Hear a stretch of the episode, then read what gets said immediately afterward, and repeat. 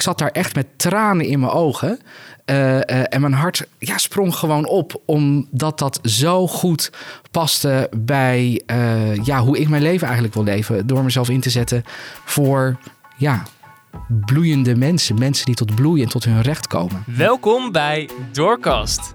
Hallo lieve luisteraar, wat leuk om je te mogen verwelkomen bij aflevering 3 alweer van Doorkast. We hebben een heleboel leuke reacties gekregen op de eerste twee afleveringen. Zo mailde collega Leen uh, na aflevering 1 dat hij met plezier heeft geluisterd, dat hij zich goed kon vinden in wat Iris en Natasja vertelden en het belangrijkste, dat hij hartelijk heeft meegelachen. Nou, leuk. En uh, ook kregen we een reactie van Marije via WhatsApp. Hoi, hier Marije van het Lilianenfonds. Naar aanleiding van jullie eerste podcast, um, en ik ben trouwens al een fan van het eerste uur, um, de vraag: wat is blijvende verandering? Is dat niet heel erg contraproductief? Is het niet dat de verandering een tijdelijke actie is, maar het doel een blijvende verbetering? Hoe gaan jullie hiermee om? Nou, dankjewel Marije voor je interessante reactie. Ik uh, ga hier zelf zeker nog even over doormijmeren. En ik zal ook Iris en Natasja nog eens aan hun mouw trekken om te vragen hoe zij hierover denken. Of uh, wat de gedachte is achter de term blijvende verandering. Um, ja, en ook op aflevering 2 kregen we leuke reacties. Vooral van mannen die hun respect uitspraken voor wat vrouwen allemaal moeten doorstaan. en natuurlijk voor Tom die zich waagde aan de grote menstruatiequiz. En dan nu alweer aflevering 3. Uh, in deze aflevering gaan we het hebben over ouderen. Maar eerst een persoonlijk verhaal van toen ik juist nog heel erg jong was. Ik was namelijk nog maar 18 jaar een hele lieve puber, al zeg ik het zelf.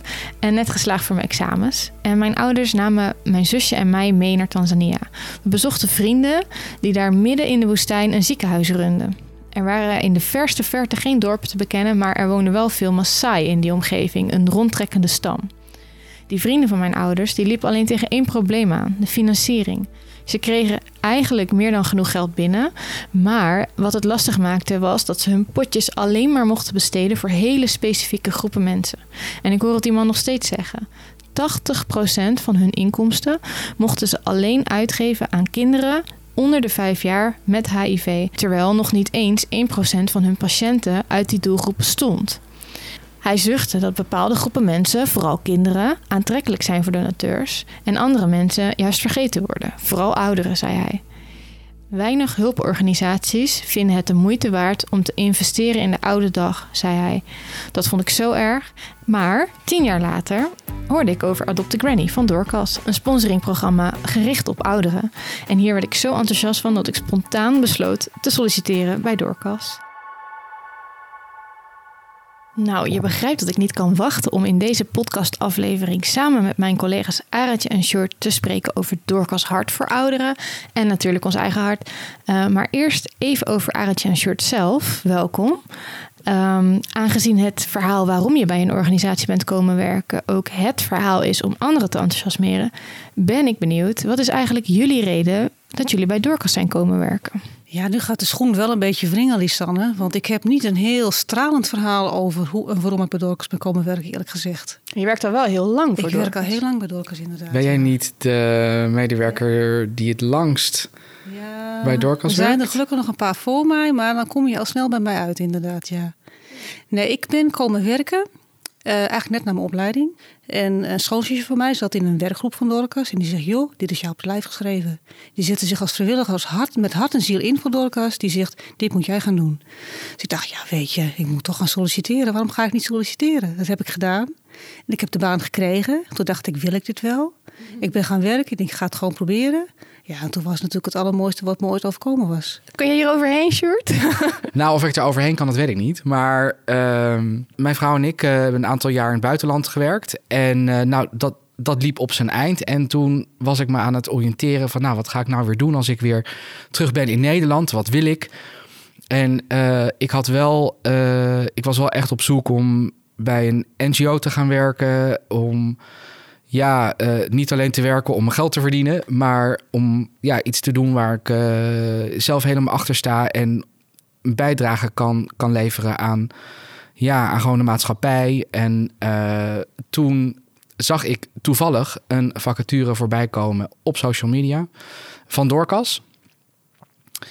En eh, ik moet eerlijk zeggen dat ik wel wist dat Dorcas bestond, maar niet zoveel ervan afwist. Uh, en toen ben ik eens gaan kijken op de website van Dorcas. En toen kwam ik heel snel uit bij dat filmpje, misschien ken je het wel, over de TOC. Wat gaat over flourishing people in flourishing communities. En ik weet nog zo, ik zat het in mijn kantoor in het buitenland waar ik werkte keek ik dat filmpje en het raakte mij echt. En ik, had ik zat daar echt met tranen in mijn ogen. Uh, uh, en mijn hart ja, sprong gewoon op, omdat dat zo goed paste bij uh, ja, hoe ik mijn leven eigenlijk wil leven. Door mezelf in te zetten voor ja, bloeiende mensen. Mensen die tot bloeien en tot hun recht komen. Ja. Kun je, kun je herhalen wat je in dat filmpje zag dan precies? Of wat daar gezegd werd en waarom dat jou zo aansprak? Nou, sowieso zat er zo'n zo'n mooi muziekje onder, weet je wel. Dus ik denk, oh, jij bent zo iemand dat ben, je trapt in dat soort uh, misleidende ja, marketing. Ja, dat werkt bij mij gewoon ontzettend goed. Maar goed, ik ben me daar wel van bewust. Maar dat zat in ieder geval in, dus dat droeg daar zeker aan bij. Maar... Uh, het was gewoon zo'n goed verhaal. Van mensen komen als individu uh, tot bloei als zij in een omgeving uh, leven waar uh, die omgeving ja, dat faciliteert en daaraan bijdraagt. En dat doorkas inzet op niet alleen bloeiende individuen, maar bloeiende gemeenschappen. En daar ook nog eens een society level, een overheidsniveau aan, aan, aan toevoegt, waardoor je eigenlijk het ja, het plaatje compleet maakt en een soort van ideale ja, voedingsbodem probeert te creëren voor mensen en gemeenschappen om tot bloei te komen. En dat, ja, dat raakte me echt. Dat vond ik heel mooi. Ja, ja mooi. Ja. Bedankt voor het delen, allebei. Um, voordat we echt gaan beginnen aan deze podcastaflevering. Um, we zijn nog niet begonnen. Nou ja, we duiken heel snel de diepte in. Maar ik moet het even benoemen, want we hebben spelregels. Uh, er is nou eigenlijk, we hebben één spelregel. En dat is, um, kijk, het leuke van deze podcast is ook gelijk het moeilijke van deze podcast. Namelijk, um, we gaan in gesprek met experts, hè, mensen die echt heel veel kennis hebben van de inhoud. En dat geeft een heleboel diepgang, maar dat geeft ook het risico voor uh, luisteraars dat uh, ze het niet kunnen volgen, omdat er heel veel jargon is. Dus we hebben de regel: jargon moet worden uitgelegd. En als er, als er jargon voorbij komt wat, uh, nou, wat geen uitleg krijgt, dan uh, ja, moet je doneren. Dus een euro. Tom, uh, die zit hier. ja, die zei al: ik ben een notaris. Ik ben een notaris. Voordat we begonnen met opnemen. Ik hoorde Sjoerd al ja, één term zeggen dat ik dacht, ja. oeh, daar gaan we. Maar de spelregels waren nog niet uitgelegd. Dus nee, dus deze wordt je vergeven. Het NGO. TOC. Nee, oh, TOC. Ja, ja, ik hoorde NGO. Dat vind ik eigenlijk ook wel jargon. Oeh. Dus je bent al 2 euro sta je in de min, Sjoerd. Maar de, de spelregels nou. waren nog niet uitgelegd. Dus dat is natuurlijk okay, ook dus niet helemaal... Het wordt je, het wordt je kwijtgescholden door de notaris. Wat een genade. Op zich doneer ik natuurlijk heel graag.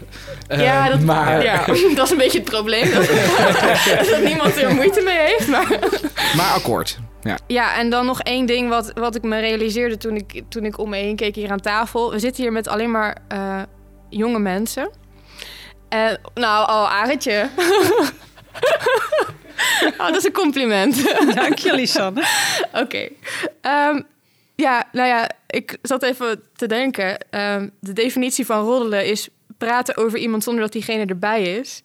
Um, ja, dat moeten we misschien even eerlijk toegeven. Ik weet niet uh, hoe het met jullie zit, maar mijn beeld van ouder worden is niet altijd even rooskleurig. Ik ben benieuwd of het herkenbaar voor jullie is. Ik heb een fragmentje meegenomen uh, van Brigitte Kaandorp, een, uit haar show van 2016, waarin ze mijn beleving eigenlijk heel goed verwoordt.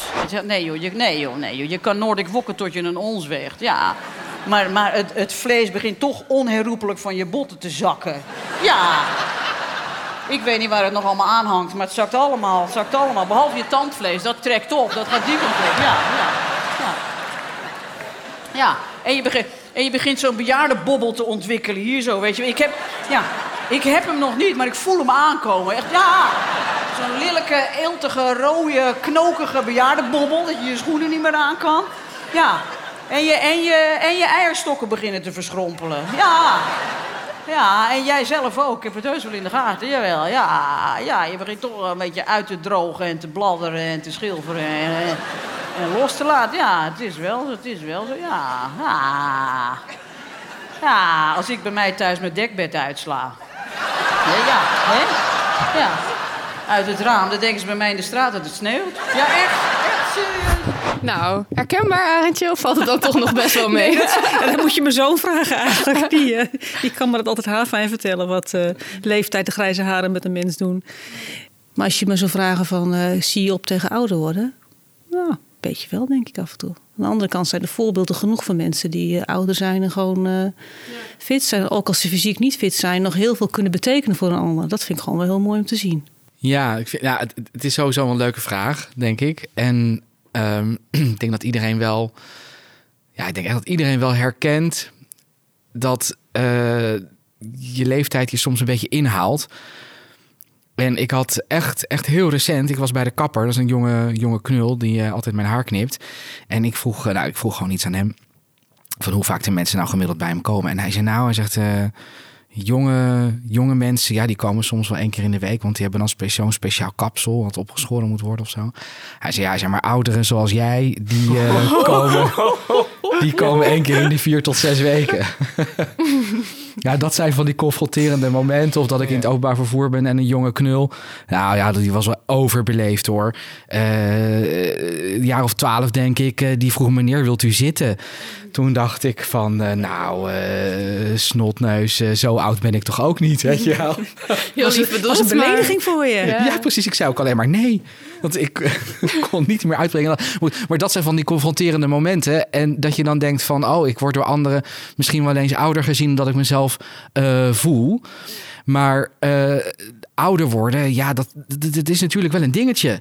Ja, je merkt ook wel dat wijsheid met de jaren komt... en dat je sommige dingen relaxter wordt... of dat je ervaring opdoet. Maar juist ook wel door mijn werk ben ik ook wel gaan zien... dat eh, ouder worden ook echt uitdagingen met zich meebrengt. En eh, denk ik van, goh, nou, eh, ga er maar aan staan. En eh, hoe zou ik erbij zitten als ik zo'n respectabele leeftijd mag bereiken?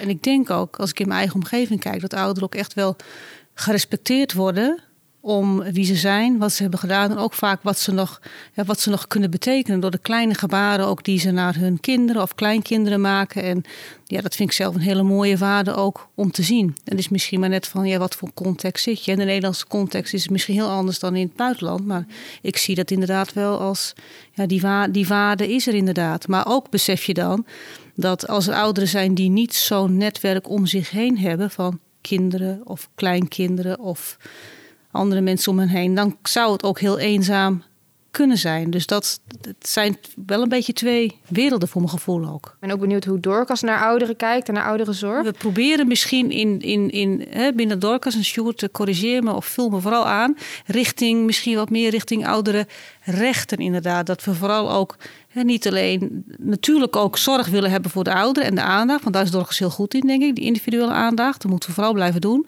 Maar ook vooral inderdaad, wat zijn nou hè, hun rechten en hoe kunnen we daar ook meer omheen bouwen. En hoe komt daar weer betere zorg uit voort? Ja, nou ja, ja, ja, ik ben het wel met je eens, Arendtje. Maar ehm, ik zou daarop willen aanvullen. Eh, ja, eigenlijk een ander woord, eh, eh, een, een ander gebruik van het woord recht of rechten. Natuurlijk gaat het om de rechten van ouderen. Maar het gaat er om dat die ouderen tot hun recht kunnen komen. Dat heeft ook te maken met hoe je als ouderen naar jezelf kijkt. Hoe je, eigenlijk, hoe je je eigen mogelijkheden ziet. Eh, ook hoe daarin gefaciliteerd wordt en hoe je omgeving daar, daar tegenaan kijkt. Hè, dus ehm, eh, ja, dat is, dat is heel belangrijk. Ja. Wat gebeurt er eigenlijk allemaal eh, op het moment dat een oudere eh mee gaat doen als deelnemer aan een doorkas eh, ja, project ergens in een van de landen waar we werken? Nou, dus, dus eigenlijk al het werk van Doorkas, dat eh, doen we volgens onze Theory of Change. En dat houdt in dat we op drie niveaus werken. Op individueel niveau, op het niveau van de community of de gemeenschap en op het niveau van society of de, ja, hoe zeg je dat in het, eh, in het Nederlands? Overheid, samenleving, ja. Ehm, en eh, zo hebben wij dat ook in onze programma's voor ouderen. Zijn er activiteiten en doelstellingen per niveau. En eh, ik, ik denk dat het belangrijkste niveau bij ouderenzorg wel op, eh nee, ouderenzorg, onze programma's voor ouderen, zit op de community. Uh, waarbij we ja, mensen in de gemeenschap, eigenlijk een hele gemeenschap bewust willen maken van de rol die ouderen in de gemeenschap nog kunnen spelen. Daar willen we ook kerken en vrijwilligers en verenigingen en het liefst bedrijven en de lokale overheid allemaal bij hebben. Die allemaal zich ervan bewust zijn dat zij een rol te spelen hebben in de aandacht en zorg en gewoon de plaats die kwetsbare ouderen in die samenleving innemen. Ik zit toch nog heel even te zoeken van, uh, ik, ik ben een oudere in uh, Moldavië. Wat merk ik daar dan van? Van dat sociale vangnet, zeg maar, wat betekent dat voor mij? Nou ja, ik ben geneigd om nog een stapje terug te gaan, want dat sociale vangnet is er niet van de een op andere dag. En dat is waar we juist, denk ik, onze activiteiten op inzetten. Dat we eerst voorzien in de gemeenschap dat er oudere mensen zijn die of geen familie hebben die voor hen zorgen. Of inderdaad, uh, familie kijkt niet meer naar hem om. En dan proberen we inderdaad van als die onder een, bepaalde armoedegrens leven, zeggen we nou, die zou heel goed eh, in ons programma passen. Daar kunnen we iets voor betekenen. Dan gaan we eerst wel kijken van nou, wat, wat kun je, wat heb je zelf?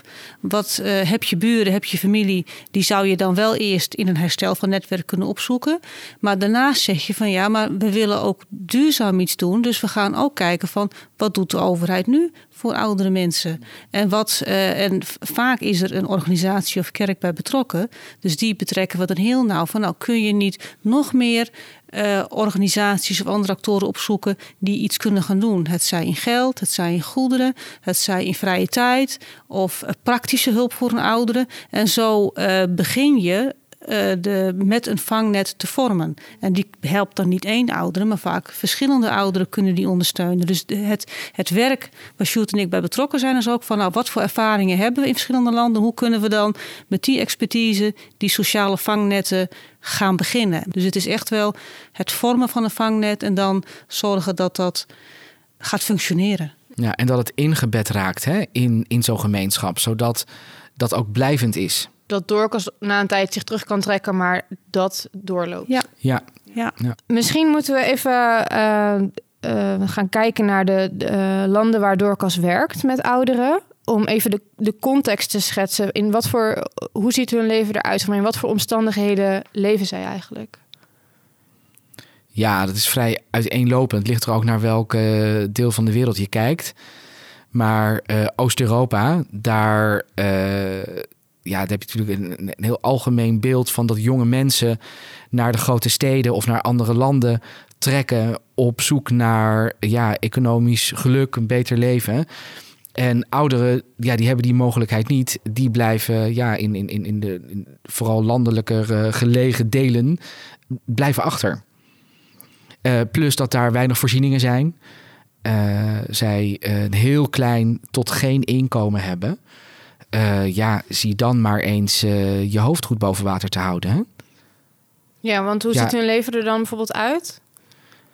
Ja, ik, veel eenzaamheid. Mm -hmm. Veel eenzaamheid. Veel, veel ouderen die, ja, die weinig contacten hebben, uh, weinig andere mensen zien.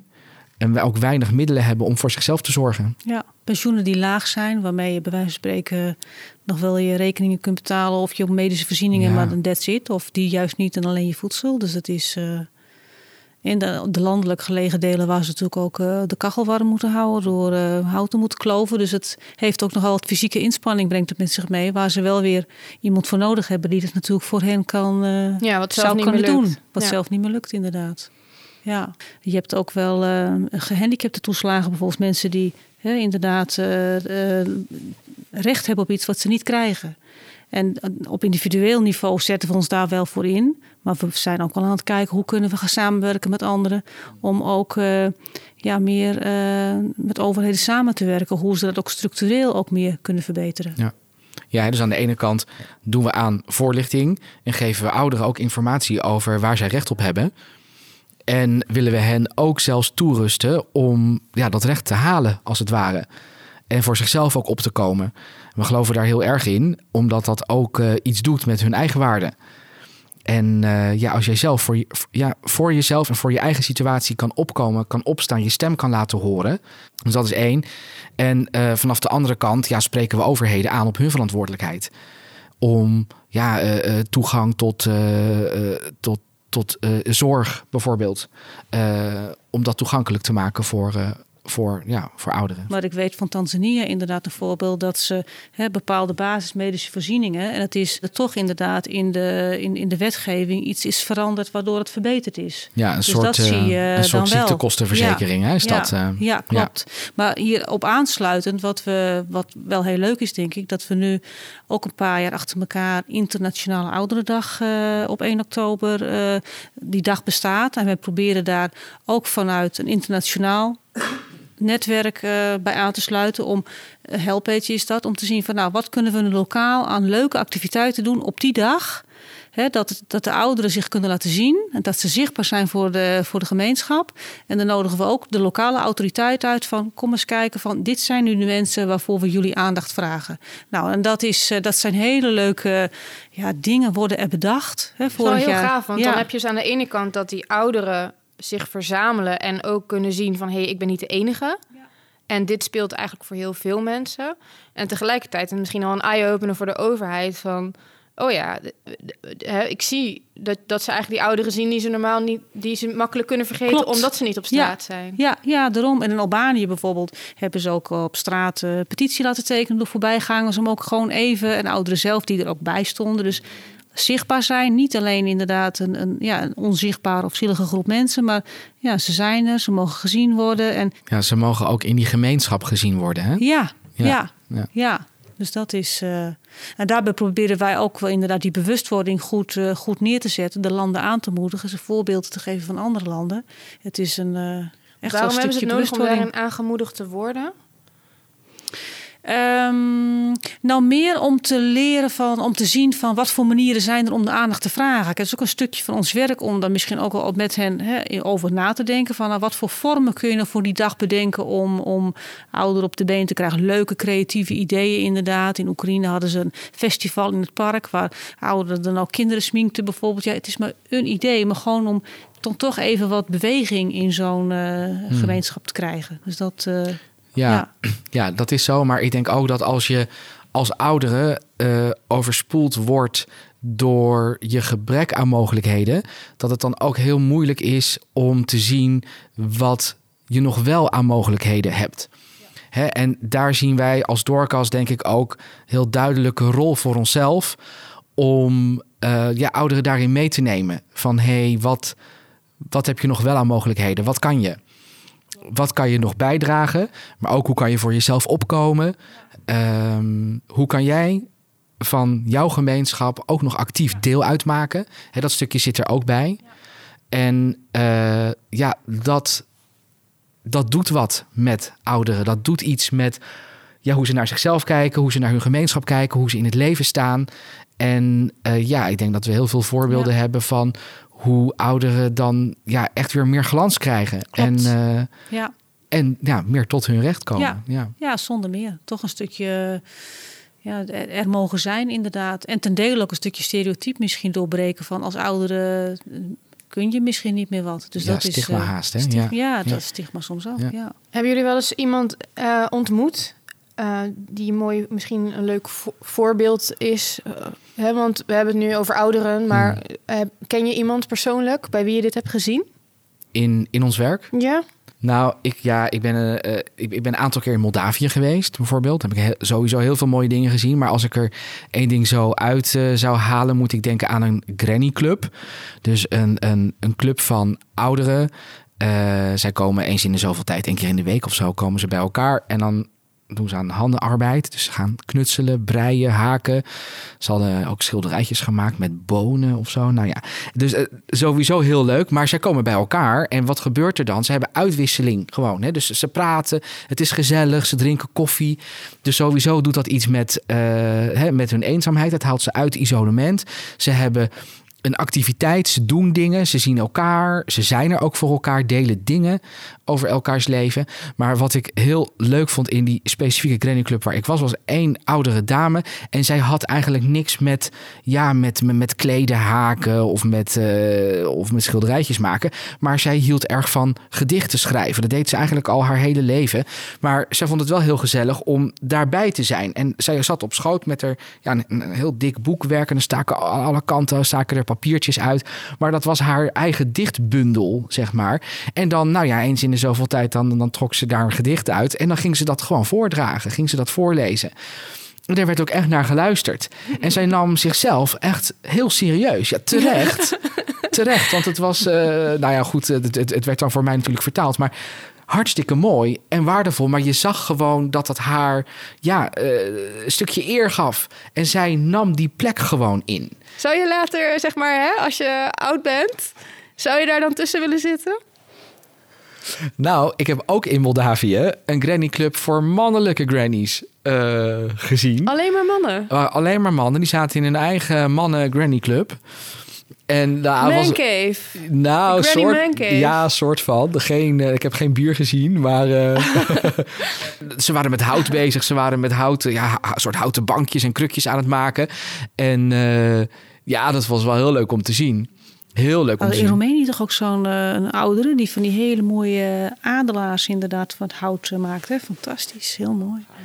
Maar in Tanzania doen we ook een inkomensgenererende activiteiten. Ja. Precies. We willen het ook ergens ook proberen. Ouderen die inderdaad uh, de, de capaciteit hebben om in hun, een stukje van hun inkomen te kunnen en willen voorzien. Om er ook mogelijkheden voor te geven in de programma's. Dus daar uh, nodigen we ook wel de mensen toe uit. Van nou probeer iets op te zetten. Misschien gelinkt aan de, de vaardigheden die ouderen hebben. Kun je daar niet iets voor bedenken? Dat het inderdaad nog een stukje inkomen voor ze genereert. Nou, dan zien we vooral in, in Oost-Europa ook, maar ook in Afrika, zien we toch wel hele mooie voorbeelden ontstaan van en mannen en vrouwen. Vaak is dat nog wel een gescheiden expertise. Vrouwen die manden inderdaad uh, maken, die dan verkocht worden. En ook weet ik van uh, inderdaad het maken van zeep of het maken van kettingen. En dat, dat wordt dan vermarkt. Daar krijgen ze wel ondersteuning bij. En dat draagt dan een stukje bij. Soms is het niet alleen voor henzelf, maar ook voor dat ze een soort uh, groep hebben. We noemen dat een zelfhelpgroep. Dus een groep van ouderen die dat met elkaar doet. En wat ze dan verdienen, dat leggen ze er bij elkaar. Ik weet een voorbeeld uit Roemenië ook inderdaad van vrouwen die dat dan deden. En degene die dan op dat moment zegt van ja, maar ik kon de huur deze maand niet betalen of iets anders niet, die krijgt dan het geld uit de pot van de groep. Dorcas heeft een sponsorprogramma. Dat betekent dat iemand in Nederland ja, gekoppeld wordt aan een oudere in een van de landen waar we werken. Um, en daar een maandelijks bedrag uh, voor betaalt om uh, nou ja, bij te dragen aan, aan diegene. Wat gebeurt er met dat bedrag? Um, het geld van de sponsorbijdragen wordt gebruikt om het project te financieren. En om al die activiteiten ja, op te zetten waar we het net over gehad hebben. Maar daarbij zit natuurlijk ook een stuk individuele aandacht.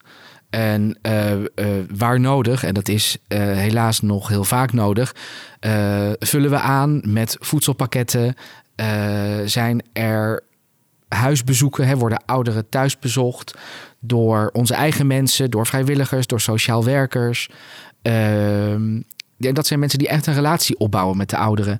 Die ja, waar de ouderen hun verhaal bij kwijt kunnen. Uh, als het relevant is, dan kunnen ze met elkaar bidden.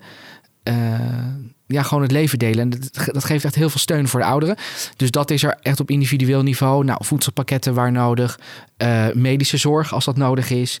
Dus een deel van dat geld gaat zeker rechtstreeks naar die ene ouderen.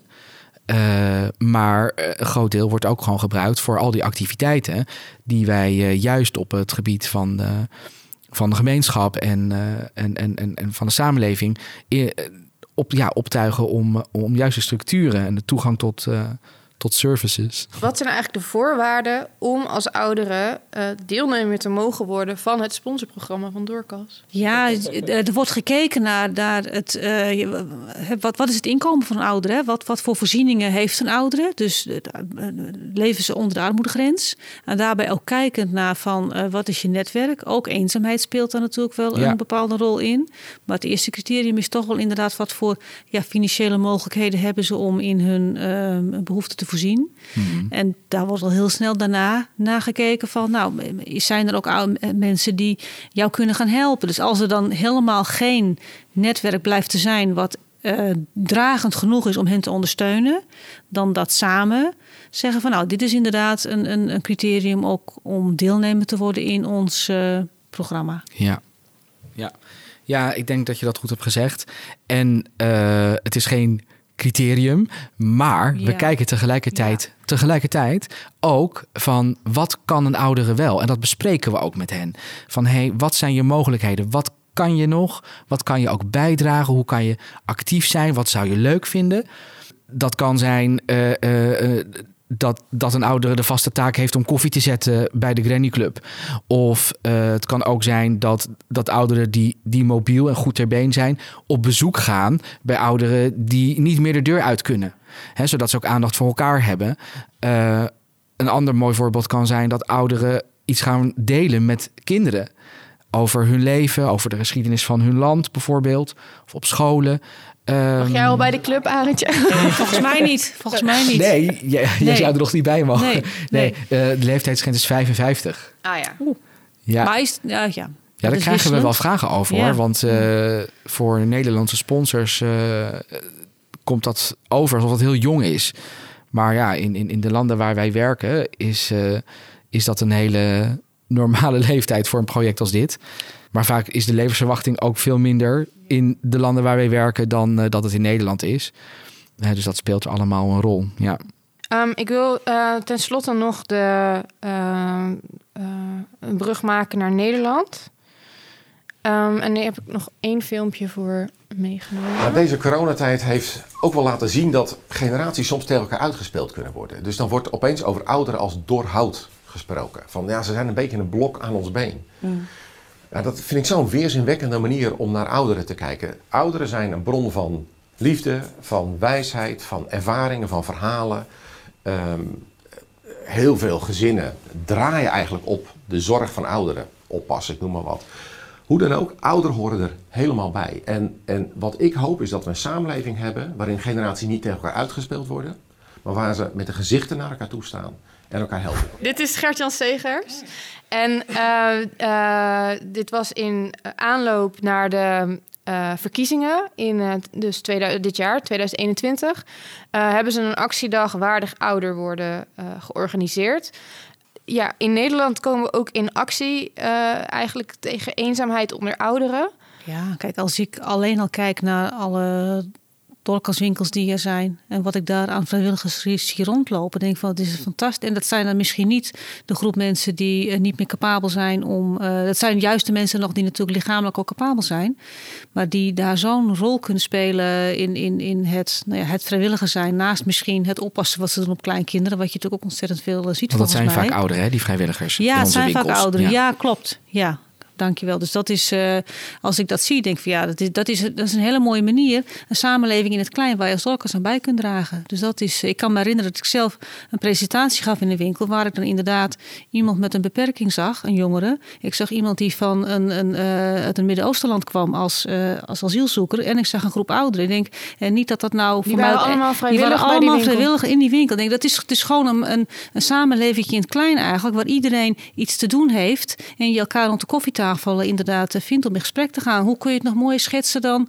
het voorbeeld van een Dorcas eh, community? Dus dat is eh, heel goed. Ju- Juist, hè? Het gaat niet eh, om ouderen als een unieke aparte groep. Nee. Het gaat juist om die integratie. Ja, die hele dat je met inclusiviteit. elkaar, ja. Ja. dat je Ja. met elkaar een samenleving vormt, Ja. een maatschappij bent. Ja, Waarin iedereen zijn eigen dingen kan bijdragen. ja, Ja, precies. Ja. En dus ook ouderen. En waarin zij ook ja, eh, eh, geëerd en gerespecteerd worden om, ja, om wie zij zijn, maar ook wat zij voor ons betekend hebben. Hè? Zij zijn echt de schouders waarop wij kunnen staan. En denk ook aan wat voor eh, functie zo'n doorkastwinkel ook heeft weer in een lokale gemeenschap, in een, hè, in een stad of in een dorp. waar zo'n doorkastwinkel zit, waar mensen dus ook met een kleine beurs spullen kunnen kopen. Ja. Of, eh, nou, ook als mensen een grotere beurs hebben, is het natuurlijk Ook. superleuk om naar Ja. kringloopwinkels te gaan. Ja. Maar eh, wat voor functie zo'n winkel Ja. daar ook heeft. hè. Niet alleen voor de vrijwilligers die er werken, maar ook gewoon een plek innemen in een community. En eh, ook de mensen die daar spullen brengen. De doorkastwinkels hebben ook dus niet alleen hè, mensen doen dat, die doen dat zeker ook omdat ze doorkers een warm hart toedragen, maar ze doen het ook. ehm, eh, het heeft ook gewoon een grote psychosociale functie voor henzelf. Ja, dat denk ik Eh, wel. eh, hè, het draagt bij aan een. eh, je bent onderdeel van een mooi netwerk van mensen die samen één team, één taak. Klopt. Uh, gezelligheid Ja. vlak bij huis. Ook een grote netwerk krijgen ze op die manier. Dus dat is, eh, natuurlijk heel mooi om te zien. Eindigen jullie ook in een doorkastwinkel? Eindigen. Ja. Nou, Ja. wel. Daar leg je het loodje. Nee, dat Na het pensioen, ja. Nee, dat wil ik nu eigenlijk wel. Oh, ja. Maar daar heb ik geen tijd voor. Ik zou met liefde al een dag in de rokswinkels willen gaan werken. Lijkt me fantastisch. De boekenafdeling wil ik dan doen. Nou, bij deze.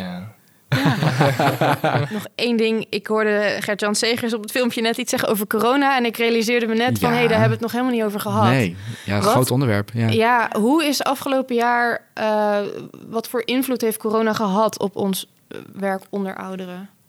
Ja, super veel invloed. Ja, is heel heftig. Ja, ja, ja, best wel. Ja, want al die sociale activiteiten die we, eh, die we opzetten, nou, die zijn natuurlijk allemaal gestopt.